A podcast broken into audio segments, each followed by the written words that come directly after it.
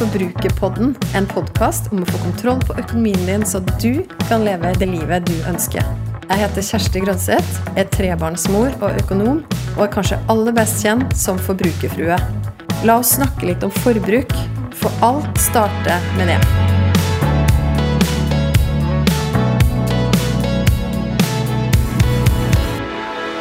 Når du føler deg mindre verdt, er det ikke shopping du trenger. Men hva trenger du egentlig da? Og når er det du føler deg mindre verdt? Har du kjent på det noen gang? I dag så er jeg så heldig å ha besøk i studio her i Forbrukerpodden av en av mine absolutte favoritter. Hun har vært gjest her én gang før, og da var det så utrolig mye gull som kom ut av den episoden, så jeg måtte bare invitere henne tilbake. Og den gjesten jeg har i studio i dag, er mentaltrener Anniken Binds. Hjertelig velkommen hit! Tusen takk, jeg ble så glad da du inviterte meg. Jeg satte veldig pris på det. Du Anniken, du er mentaltrener, og vi har kjent hverandre nå i eh, et par år, tror jeg. Det som er så fantastisk med deg, er jo at du brenner jo virkelig for å endre tankesettet sånn at vi skal få et liv fylt med mer glede, energi og motivasjon. Og det skal vi snakke masse om i denne episoden, men før det så må vi stoppe opp ved denne setningen som du delte. Altså det med å føle seg mindre verdt. Hva snakker vi egentlig om da? Altså, vi snakker om en følelse som jeg tror, eller jeg vet at alle kjenner på innimellom. Eh, og det handler om selvfølelsen, i bunn og grunn. Og alle vi mennesker, eh, vi har et behov for å føle oss verdifulle, føle oss anerkjent, føle oss sett, føle at vi har tilhørighet. Og eh, av mange grunner, som jeg kan komme inn på litt etterpå, så utvikler vi oss mennesker til å føle at vi mangler denne egenverdien. Eh, og det betyr at vi da utvikler lav selvfølelse. Eh, det er jo sånn at vi er ikke født med lav selvfølelse alle babyer som blir født, de er litt sånn 'her er jeg'. De gulper, og de har spraybæsj ut av bleien, og når de skal lære seg å spise, så er de ikke flaue om de smører mat i hele ansiktet. Det er ingen babyer som er litt sånn 'å, jeg føler meg mindre verdt', og 'unnskyld at jeg er til', men alle babyer blir født og føler seg verdifulle. De har god selvfølelse. Så skjer det noe opp gjennom livet, og eh, jeg ser jo at så å si alle har behov for å gjøre noe med hva de føler om seg selv, altså egenverdien sin. Eh, så ikke, da jeg begynte å jobbe som mentaltrener, så så jeg mer på okay, hvordan kan jeg hjelpe folk til å få bedre resultater og takle de tingene som stresser dem, eller stå på scenen og holde et foredrag, for eksempel. Og så så jeg at okay, hva er det som egentlig ligger i bunnen av alle de utfordringene folk har? Jo, det er det at de føler at de ikke er verdifulle de har lav selvfølelse, lav selvfølelse. Og da begynte reisen min med å bare skjønne at ok, hvis vi skal gjøre verden til et bedre sted, så handler det om å hjelpe folk til å bygge seg opp fra innsiden. Så kan jeg også legge til da at uh, før jeg ble mentaltrener, så var jeg, eller jeg er jo fortsatt, jeg utdannet meg til å være samfunnsgeograf. Uh, og kort fortalt så handler det om å se hvordan alt her i verden henger sammen. Eh, hvordan eh, vi mennesker som enkeltindivid kan påvirke hele verden, og hvordan alt det som skjer ute i verden, påvirker oss. Det er rett og slett bare synergieffekter i samfunnet. Og jeg ser jo, nå er jeg kanskje litt naiv og veldig visjonær, men jeg ser jo, ok, jeg har jeg tipper det gjelder deg og alle andre som lytter på, at når vi ser urett, når vi ser krig, når vi ser hvordan altså, store bedrifter bare utarmer jordens ressurser, hvor vi ser liksom alle de kjipe tingene i verden, så får jeg vondt inni meg. Og det tipper jeg du også gjør. Og så vet jeg at ok, mennesker som har det godt med seg selv Ok, jeg vet at det er en litt sånn forenklet måte å si det på, men det er likevel mye sant i det. Mennesker som har det godt med seg selv, har ikke behov for å gjøre vondt mot andre. De har ikke behov for å utarme jordens ressurser. De har ikke behov for å sette penger foran de ekte kvalitetene og verdiene i livet. Så eh, for å bare dra det veldig stort eh, opp, så er det så min motivasjon er bare ok, jeg vet at verden blir bedre når vi får det bedre hver og en. Og jeg elsker at du er så visjonær. Jeg kjenner at wow, allerede et par minutter inn i episoden så, så, kjenner jeg på en boost her, og jeg kjenner meg veldig motivert. Så jeg gleder meg til resten av praten med deg nå. Og du som hører på Forbrukerpodden i dag, du er veldig heldig som kan høre på Anniken og alt det hun skal dele med oss. Så, men vi må stoppe litt opp ved noen begrep her. fordi at du snakker jo om selvfølelse. Men Man, og det, de som hører på, jo, kjenner jo helt sikkert til det begrepet. Og så er det jo andre begrep som selvtillit, selvbilde. Altså, kan du si noe om hva som er forskjell, eventuelt likhet, mellom de begrepene her? Mm.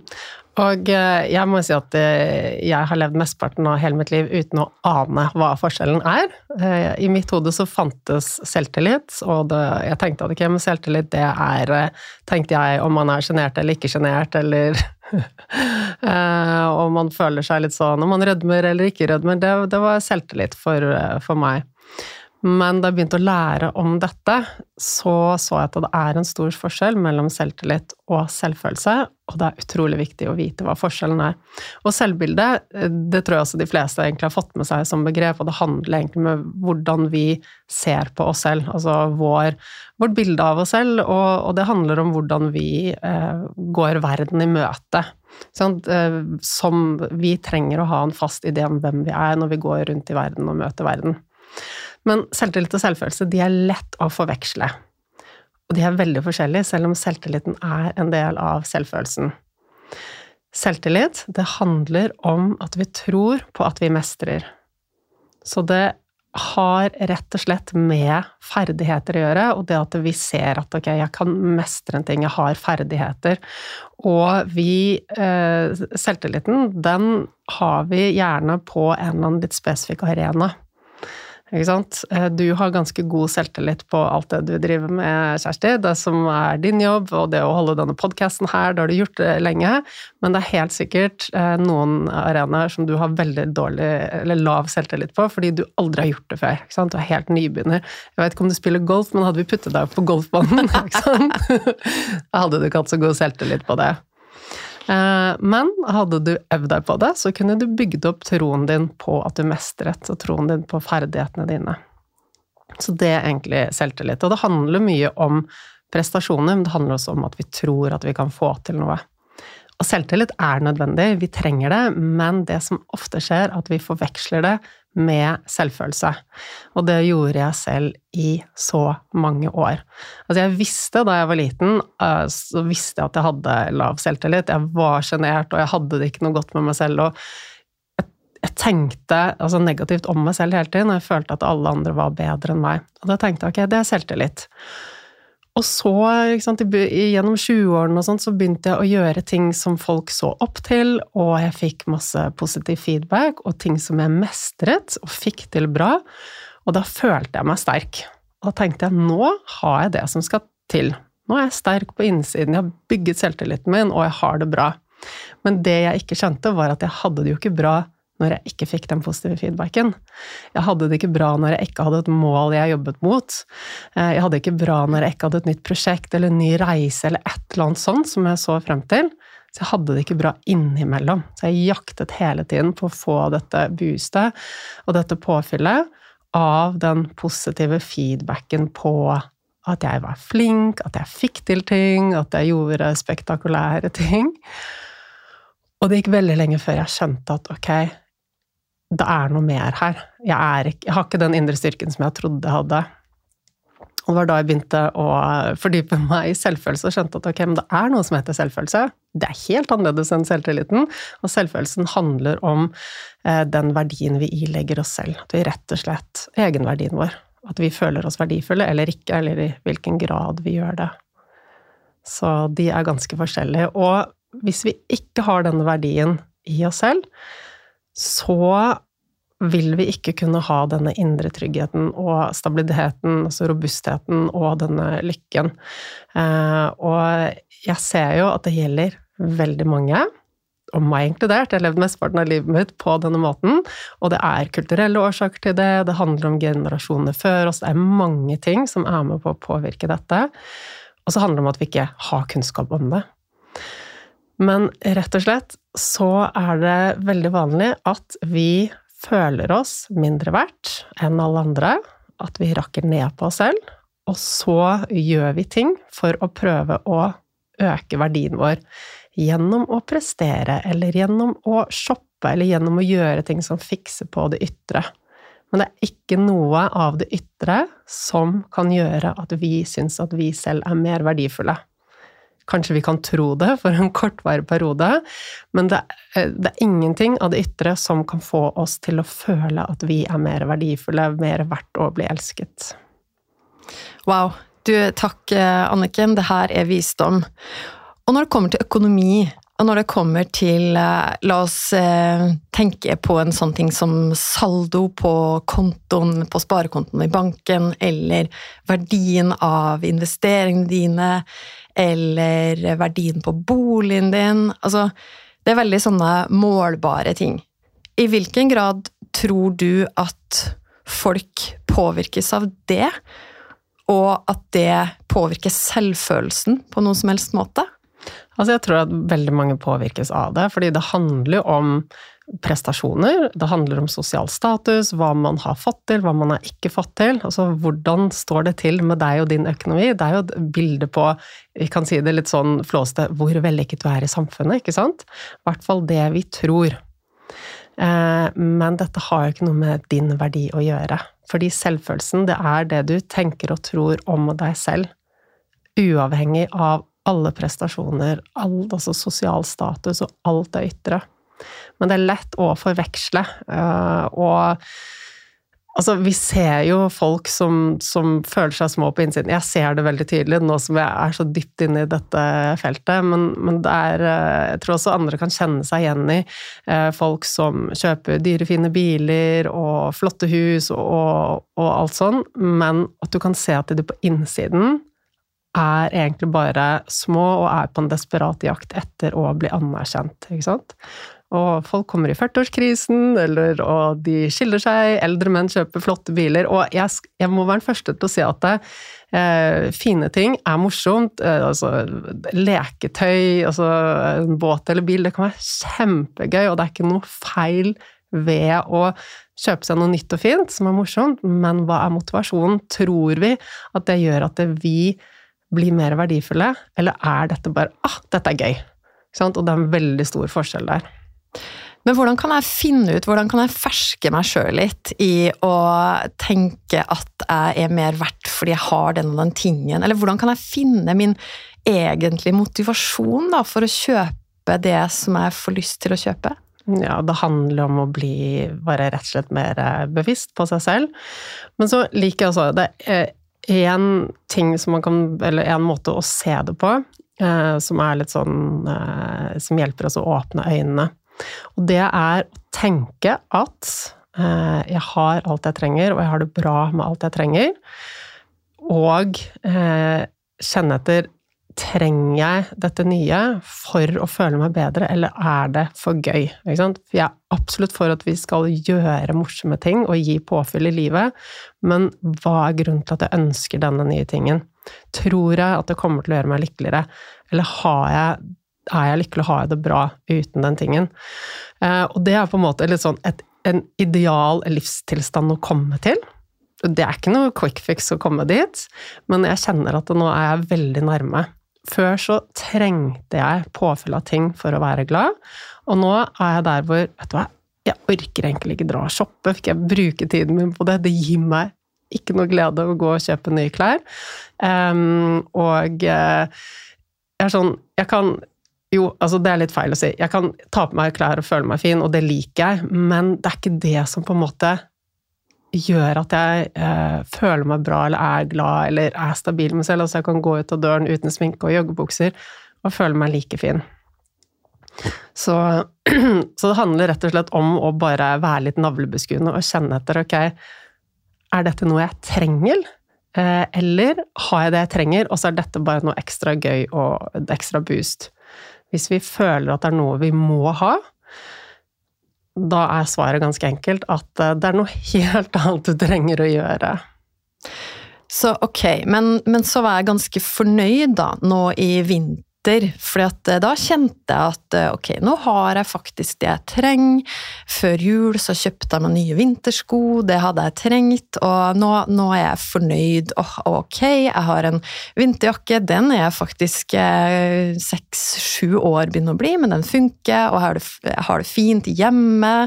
Og jeg er egentlig ganske fornøyd, så kan jeg tenke at åh, ja, men nå, nå har jeg det bra med meg sjøl. Nå, nå, kan jeg tenke nå har jeg alt det jeg trenger. Men så kommer våren, og så kommer eh, nye fristelser, og så fylles eh, hjemmene til eh, folka i feeden min opp med nye, freshe farger, og folk begynner å sprette ut på gatene i nye joggesko, og i rett og slett bare Ja, de, og spesielt nå, ikke sant. Nå er vi jo på vei ut av hiene våre etter to år så kommer vi ut, og så ser den ene freshere ut enn den andre. Og da kjenner jeg sånn Ja, men hei, jeg var egentlig fornøyd i vinter, men nå er jeg litt usikker. Og jeg spurte jo følgerne mine på Instagram om for det var noen som sa til meg at de ville gjerne ha tips til hvordan de kunne bruke mindre penger på trender innenfor da spesielt klær og interiør. Så spurte jeg sånn på Story Ok, hvem kjenner seg igjen i det? Og det var 77% som sa at de kjente seg igjen i det.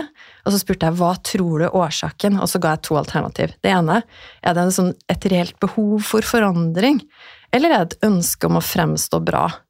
Og da var det 73% som sa da behov for forandring, og 27 som, som var helt ærlig med seg sjøl, altså at jeg ønsker faktisk å fremstå bra. Men du har sagt til meg at begge de tingene her kan egentlig handle om selvfølelsen. Både det med at vi kjenner på et behov for den forandringen, og det med at vi ønsker å framstå bra. Kan du si litt mer om det? Ja, og det handler om at de drivkreftene som jeg snakker om her nå, den, eh, den lave selvfølelsen, det er ikke noe vi er bevisst. Altså, jeg er veldig bevisst, men jeg gikk i årevis uten å skjønne det her. så når vi sier at uh, hvis, hvis, følgerne dine det, det haker av for at de har lyst til å kjøpe noe nytt på, grunn av at de har behov for forandring, så kan det ligge uh, en drivkraft i å få forandring fordi de ikke har det bra som det er. Sånn, det vet vi ikke, vi har ikke snakket med hver og en av de. Uh, men jeg syns absolutt vi skal altså, eh, heier på eh, dette med forandring. Forandring fryder. Forandring, fornyelse, det er bra for oss. Det trenger vi.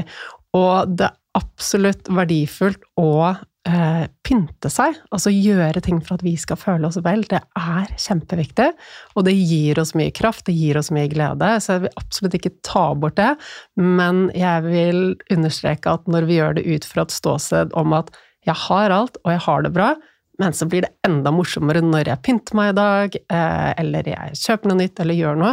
Så blir det morsommere. Der liker jeg å være. Hvor jeg ikke trenger dette nye, men jeg kan glede meg over det. Og hvis du er helt avhengig av dette nye for å få glede, hvor mye gleder du deg egentlig over det da? Og så skal jo vi vite det at eh, vi mennesker, vi er jo laget Altså vi har et sånt mangel-mindset. Og da må vi bare skru noen millioner år tilbake og, og, se litt på hvordan vi fungerte da vi levde i steinalderen og som jegere og sankere, fordi hjernen vår har jo ikke forandret seg så mye siden den gang. Da var det lite ressurser. Det var farer overalt, ikke sant. Så vi har en sånn drivkraft i oss som sier at ok, jeg har ikke nok, og jeg må få mere. Og dette handler om overlevelse. For to millioner år siden så var det en sunn, fin drivkraft å ha. At jeg må skaffe mer mat, jeg må eh, få mer altså, tak over hodet eller noe til å putte på kroppen min for å holde meg varm. Men i dag så har vi overflod, men vi har fortsatt den drivkraften i oss hvis ikke vi tar et bevisst valg og snur det. Og det handler om å programmere om hodet vårt fra det jeg kaller et mangel-mindset, til det som mange altså på engelsk kaller abundance mindset, da, som egentlig handler om at vi føler at vi har alt. Og jeg har også snakket om dette på min podkast, dette med hva er rikdom? Eh, og rikdom Det er så lett for oss å tenke at okay, det handler om hvor mye penger vi har på banken og sånn, men rikdom handler ikke om hvor mye penger vi har, det handler om hvordan vi ser på tingene. Um, og det er jo eh, Nå vet jeg ikke om du har jobbet noe med det som heter uh, money IQ. Har du vært borti det? Nei, det var et Nei, okay. interessant Spenn, begrep. Spennende tema. Og det er en veldig dyktig fyr som jeg bare fikk litt sånn brainlock på når jeg ikke husker navnet på han, men jeg skal gi det til deg etterpå.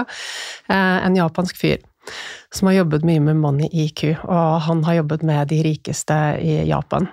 Og det det kommer frem til, er at sånn, penger har energi. Det har enten glede, positivitet eller ikke. Og han jobbet med eh, Han intervjuet flere, og, og var spesielt én historie som, som, jeg, som har satt seg veldig fast i hodet. Så eh, bare hvis jeg det, altså, refererer den litt feil, så er det en stund siden jeg hørte den.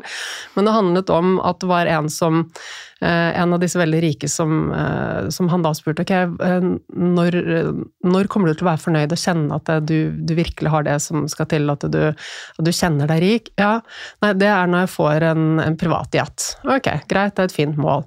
Og så gikk han til neste og spurte ok, du, du som har, du har jo en privatjet, og, og, og, er du fornøyd og, og føler du deg rik? Nei, jeg føler meg ikke rik før jeg har og så var det en privatjet med altså så og så mange seter eller så og så mange så, eh, Nå husker jeg ikke akkurat historien, men, men, jeg tror du skjønner tegningen. Så de var aldri fornøyde, fordi at eh, naboen hadde, hadde flere mm. Rolls-Roycer.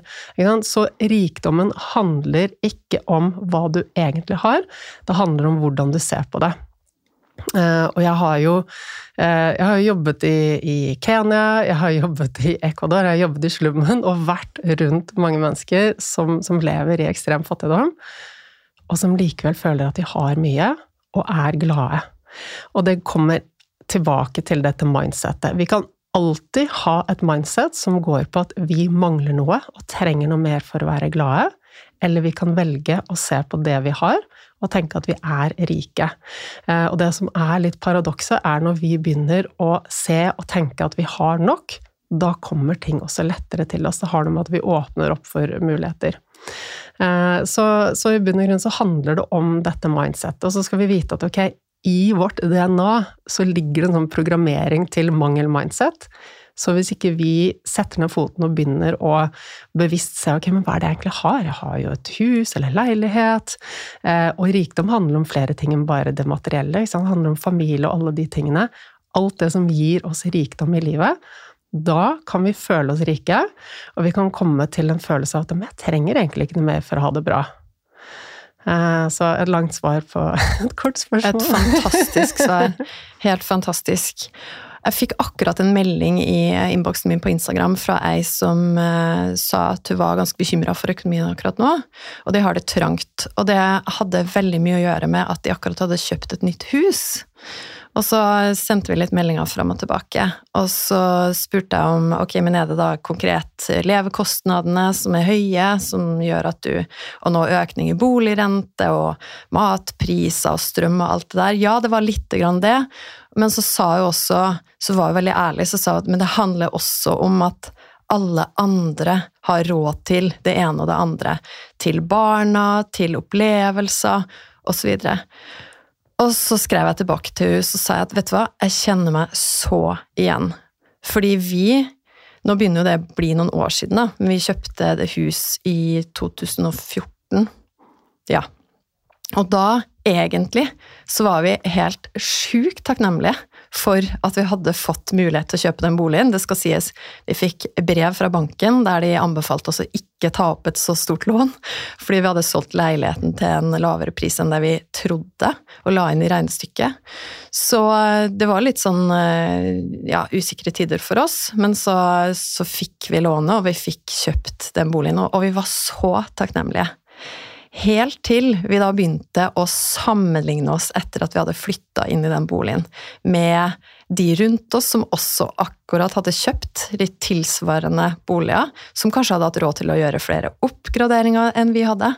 Og så gikk det fra å være sånn Vent litt, det her var jo egentlig noe vi var supertakknemlige for, til å bli sånn mangel-mindset. Jeg kjenner meg veldig igjen. Og det skrev jeg til hun også, at det er lettere sagt enn gjort, da, men vi måtte øve oss. Jeg måtte øve meg i takknemlighet og se på akkurat det du sier. Se på hva har jeg? Nå har vi prioritert å kjøpe det huset her, og vi fikk lov til å flytte til det området her. Wow! Takk! Og så heller begynne å se på det. Men det er lettere sagt enn gjort. Ja, og det er jo som du sier, det, det handler jo om at eh, vår hjerne vil se begrensninger.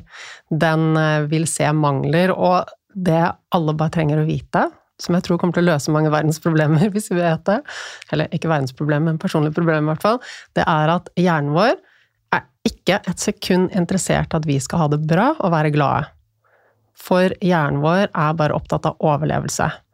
Og i en verden med mange farer, sånn som det var for noen millioner år siden, så var det ikke så veldig viktig om vi var glade og kjente på indre ro og takknemlighet og sånn. Det var rett og slett kun viktig å overleve og legge merke til alt som kan være farlig. Og det inkluderer også begrensninger. Sånn at hjernen din har på seg sånne negativitetsbriller som ser det de andre har, men som du ikke har. Ikke sant? Den mangel-mindsetet. Den ser alle problemene. Den ser de møkte vinduene istedenfor solen som skinner på utsiden. Det er vår default mode med hjernen. Og så vil det variere, for vi har forskjellig personlighet. Noen er mer positive enn andre. Men hvis vi ikke er bevisst dette og tar aktive grep for å øve oss på å se ting annerledes, så kommer vi til å male et svartere og svartere bilde for oss selv. Så ja. Ja, for da er vi litt tilbake til den setningen eh, som jeg innleda episoden her med. Altså når du føler deg mindre verdt, så er det ikke shopping du trenger. Men hva, hva, trenger du da? Ja, hva trenger vi da? Vi trenger å bygge selvfølelsen vår sånn at vi føler oss verdifulle. Uh, og igjen så går dette tilbake til overlevelse. I, hvis vi spoler to millioner år tilbake, så trengte vi menneskene å være i flokken vår, i lokalsamfunnet. Fordi hvis vi var alene ute i bushen eller på savannen, så er det som å underskrive vår egen dødskontrakt. Du, du ville ikke overlevd alene. Så i deg så er det en sånn sterk drivkraft som sier du må være del av samfunnet, dvs. Si du må være akseptert. Og så eh, er da slutningen av den ok, men hvis jeg da er veldig verdifull, så vil jeg beholde plassen min i dette samfunnet. Så derfor trenger vi å kjenne oss verdifulle. Og så når vi da også forstår at ja, hjernen har på sånne mangelbriller, og ser hele tiden ja, men det de andre har som jeg ikke har, og den personen så på meg sånn, kanskje jeg ikke ser fin ut, eller kanskje de syns noe negativt om meg. Så gjennom barndommen vår så skal Altså, et barn er ikke ferdig utviklet. Barnets hjerne er ikke ferdig utviklet før vi er rundt 25 år. Så barnet går gjennom altså barndommen og ungdomstiden og forsøker å lære om verden for å utvikle hjernen, sånn at uh, dette mennesket kan forholde seg til verden. Være i verden, leve og gjøre det et menneske skal. Så alle disse første 20-25 årene så skal menneskehjernen lære av verden rundt seg. Men hjernen er ikke ferdig utviklet, og vi har på negativitetsbrillene. Så slutningen blir ofte ut av situasjoner som, eh, som kanskje er helt bagateller, så kan vi veldig lett dra slutningen om at ok, jeg er, ikke, jeg er ikke like mye verdt, det jeg har å komme med er ikke verdifullt, jeg kan ikke bli elsket. Og sånn driver vi og bygger ned selvfølelsen vår. Så noen ganger så kommer vi kanskje fra en familie med, hvor vi ikke har fått den kjærligheten vi skal få, eller med omsorgssvikt eller noe, men veldig ofte handler det bare om at vi opp gjennom oppveksten har på oss negativitetsbrillene, mangelmindsettet, og på grunn av det utvikler lav selvfølelse. Så nå mistet jeg helt tråden på det første spørsmålet. ja, så hvordan kan, vi, hvordan kan vi øve oss, gitt at alt det her har skjedd, da? Opp igjennom, altså 25 år er ganske lang tid. Mm. Og så de som hører på nå, er kanskje et sted mellom 25 og 55. Mm. Hvordan kan vi da, med den kunnskapen som du så fint deler med oss nå, ta den, bruke den og og rett og slett få, eller bygge vår egen selvfølelse. Mm.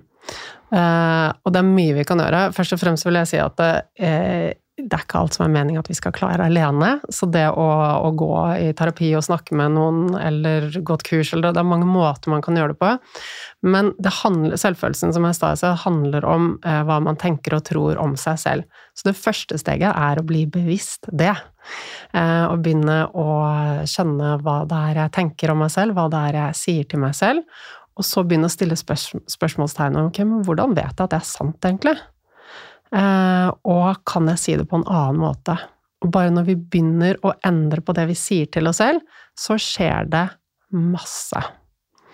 Eh, for alt det vi tenker, det påvirker oss, og det er med på å skape eh, vår egen følelse om oss selv.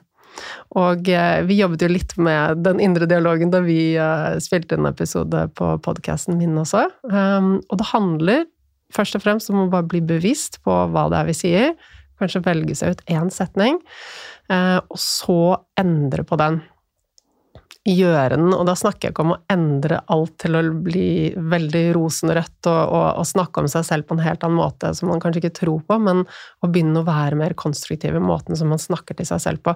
Og det vi må huske på, at alt det vi sier til oss selv, det har en effekt. Alt Altså, hjernen får med seg hver minste ting. Selv om du bare sant, sølte Kanskje du ikke hadde puttet Eh, et eller annet riktig i kaffetraktene, så kaffen bare fløt utover. Og du bare 'Åh, så dum jeg er'. Sånne små bagateller. Alt det er med på å rakke ned på din egen respekt for deg selv eh, og din egen selvfølelse. Eh, hva vi sier til oss selv når vi ser, ser oss i speilet. Ikke sant? Og mye av det er vaner som vi bare gjør uten å legge merke til. Men jeg tenker at det første steget er bare å legge merke til det, og begynne å stille spørsmålstegn ved det. Hvor konstruktivt er det at jeg sier til meg selv at jeg ser ut som et takras før jeg er på vei ut av døren? Hva gjør det med hvordan jeg føler meg? Jo, hvis jeg sier det til meg selv, så kommer jeg til å gå med en sånn vond følelse inni meg resten av dagen. Og det er ikke hensiktsmessig. Jeg vet eh, at det er en tung vei for mange å gå og bare snu alle tankene. Så det er derfor jeg jobber i, i lengre prosesser med, med kundene mine på, fra mange forskjellige innfallsvinkler. Men hvis vi liksom skal bryte det ned og gjøre det håndfast for de som lytter her, så handler det om rett og slett det de tenker og tror om seg selv. Begynne å utfordre det, og begynne å se hva kan jeg endre på i forhold til det. Det er veldig bra. Og så jeg er nysgjerrig også på da, sånn, om vi skal være ekstra oppmerksom på Kan det være sårbare perioder i løpet av en dag, eller sårbare perioder i løpet av et liv, for den del, hvor vi skal være sånn ekstra oppmerksom på hvordan, hvordan det vi tenker om oss sjøl, påvirker de valgene vi tar? Ja, og nå vil jeg først og fremst si at det, det er ikke noe farlig å være sårbar. og Det er veldig bra å, å på en måte innse at jeg, nå er jeg sårbar, og, og, stå i det og dele det. Eh, men det er klart at det fysiske påvirker oss jo, og så har vi perioder av livet med store hormonelle endringer f.eks., så vil vi være mer sårbare. Ungdomstiden er jo noe av det mest sårbare vi har. Da skjer det så mange endringer i hjernen, så hele hjernen omstruktureres. Og det er jo altså en storm av hormoner i kroppen, så da er vi sårbare. Eh, så gjennom hormonsvingninger har det vært liksom, episoder i livet, har vi gått gjennom en skilsmisse eller dødsfall eller ikke sant. Alt totalmengden av det som er rundt oss, det påvirker oss. Men så vil jeg også si at det, når vi begynner å bygge selvfølelsen vår, så vil vi ikke være sårbare på samme måten lenger. Da vil ikke en kommentar fra andre vippe oss av pinnen. Da vil ikke det blikket bety noe for oss. Da vil ikke den eh, telefonen som før ville trygget oss ned i, i masse sinne, frustrasjon, depresjon, vil ikke påvirke oss lenger. Så da har vi ikke den samme formen for sårbarheten. Så da har vi egentlig bygd opp oss sjøl fra innsida, bedre rusta til å tåle også ting som skjer på utsida med oss, og ytre Absolutt. faktorer. Absolutt. Og det er det som er litt sånn mm, Kanskje litt utfordrende å få tak i, men eh, altså, jeg har jobbet med folk, f.eks. den ene som, som ofte deler, eh, som jeg jobbet med i fjor, hun bare 'Jeg trodde jeg var manisk'. Følelsene svingte sånn gjennom hele dagen. Det handlet om den lave selvfølelsen. At alt det som var rundt henne, trigget henne enten til å føle seg glad, eller til å føle seg lei seg og bli veldig sårbar fordi hun ikke hadde den indre tryggheten og følelsen av egenverdi inni seg. Så når vi bygger selvfølelsen vår, så blir vi robuste, og da er vi ikke sårbare på den måten at ting rundt oss trigger oss lenger, men det er klart at det, i livets faser så skal vi være sårbare. Er det en krangel med en vi er glad i, så, så, så skal vi ikke legge lokk på det og tenke at alt er greit, og, og slippe til følelsene, eh, altså om det er sorg eller om det er alt det der, de følelsene må ut. Og er man mer sårbare, så, så, så blir man jo lettere påvirket av ting også. Jeg tenker at det er viktig i denne prosessen er å være raus med seg selv og gi seg selv litt slack, og ikke tenke at man må være perfekt hele tiden. Og kanskje det å være raus med seg sjøl ikke nødvendigvis betyr å treate seg sjøl med masse nytt fordi man kjenner seg sårbar, da, men å kunne være raus med der man er og tørre å være sårbar, kjenne på egne følelser. Ikke ty til shopping eller det neste målet, ikke sant, når man egentlig kanskje kjenner på at man mangler noe. Helt klart. Men det er jo, sant, i samfunnet vårt så har vi nesten vi har bygget opp en sånn eh, idé om at eh, det å være glad og fylt med energi er det eneste riktige. At det er på en måte ikke plass til de altså, dårlige følelsene, det å være trist og lei seg og sårbar, at det nesten blir noe sykeliggjort. Men så er det jo helt normalt. ikke sant? Det er helt normalt for, for oss mennesker. Vi kan ikke bare være glade hele tiden. Og all markedsføring er jo bygget opp rundt en sånn idé om uh, the happy ending, og, og, alt skal være så fint og perfekt, når du bare gjør dette. For all markedsføring, og det, det syns jeg er viktig at uh, lytterne får med seg, at all markedsføring, det viktigste trikset de bruker, er rett og slett å bygge på det, uh, fyre opp under dette mangel-mindsetet, At du ikke har det du trenger for å bli lykkelig, men når du bare gjør sånn og sånn, eller kjøper dette, da blir du også en av de som er lykkelig og har et perfekt liv. Og det bruker markedsføring bevisst for å selge. Så når vi da får bygd denne sjølfølelsen og står bedre rusta til å egentlig Og også den kunnskapen om at eh, de ytre faktorene, markedsføringene og sånn, prøver å spille på det mangelopplevelsen, følelsen hos oss, da.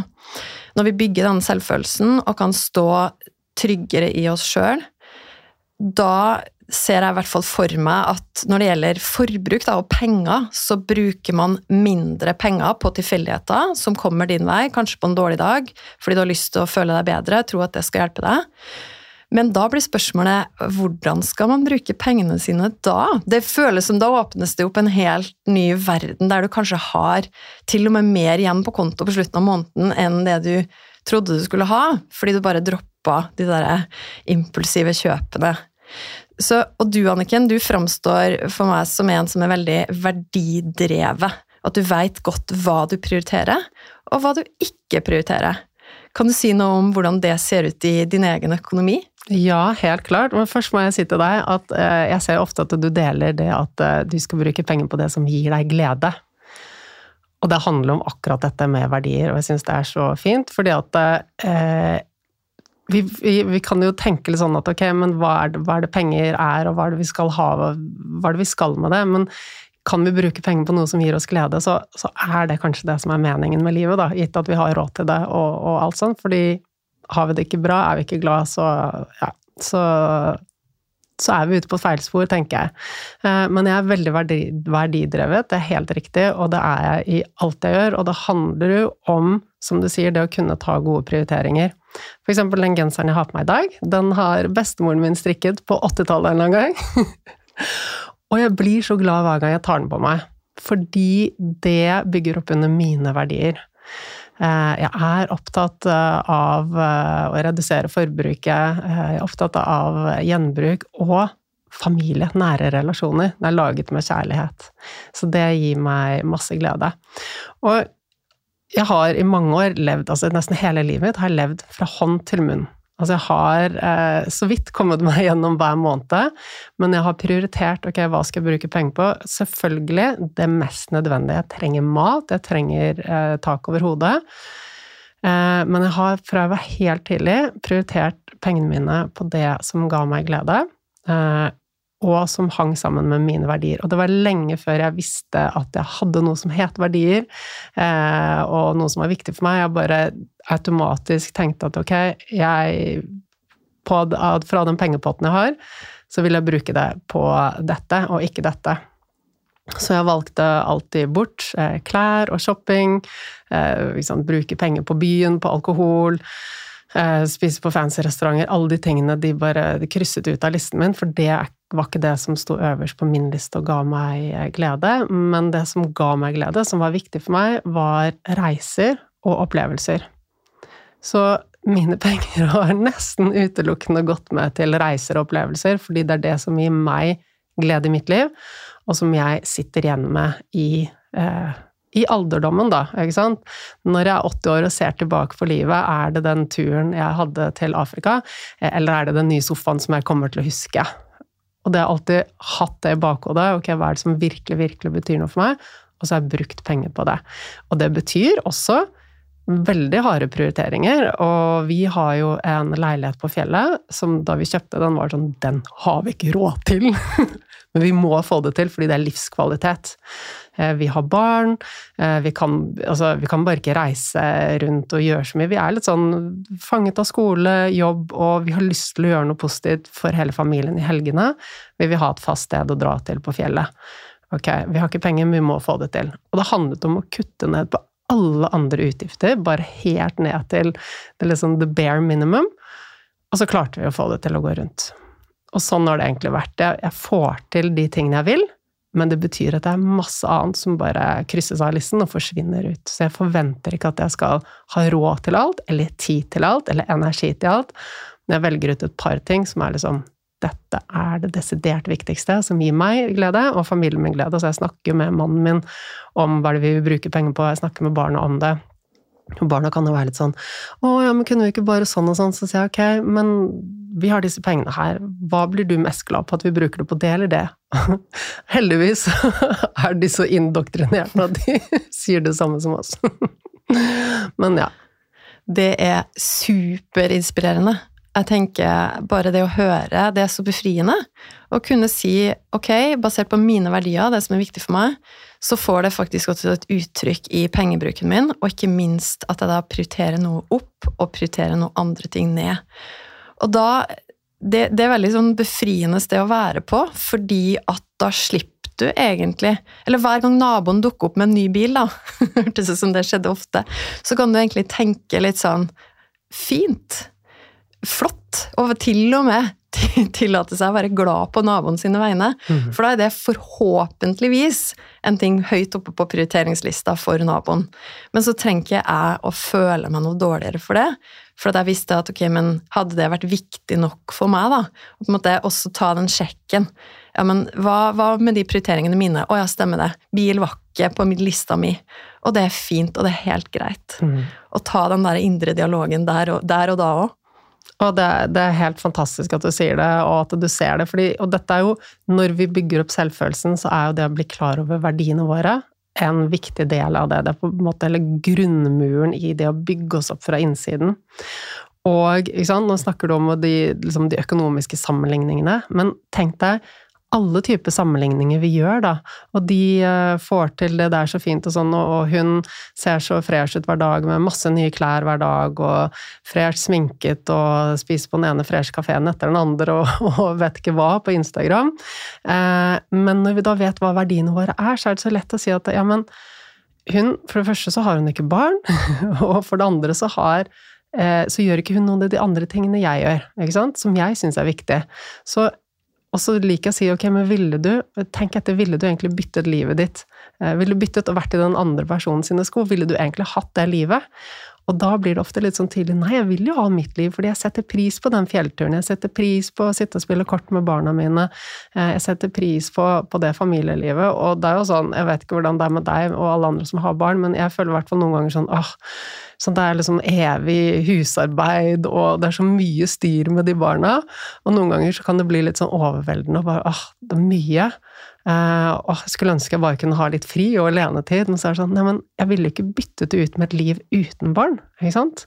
Så, så når vi klarer å, å, snu det sånn, og bruke verdiene på den måten uh, som du sier, så er det Det hjelper oss så mye da, til å finne roen og tryggheten i at ok, men jeg tar de valgene som gjør meg glad, og det er ingen andre jeg skal gjøre glad enn meg selv.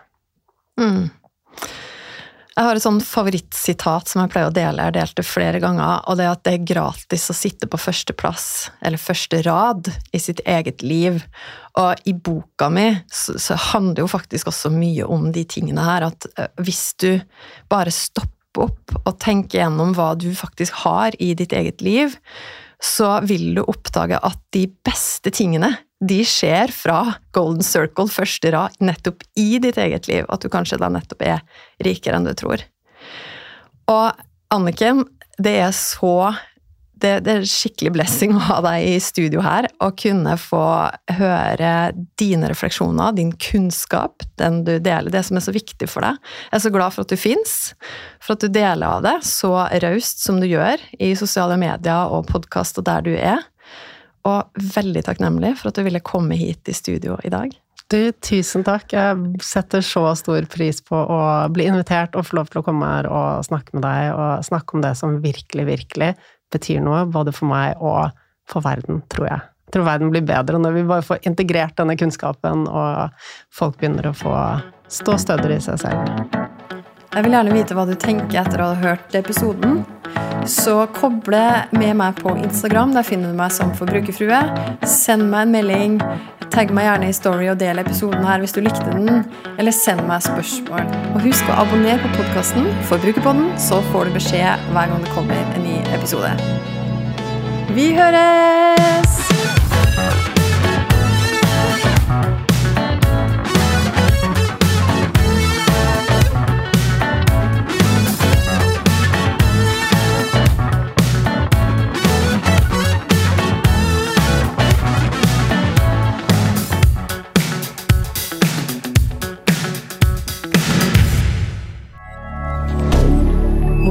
milliardaire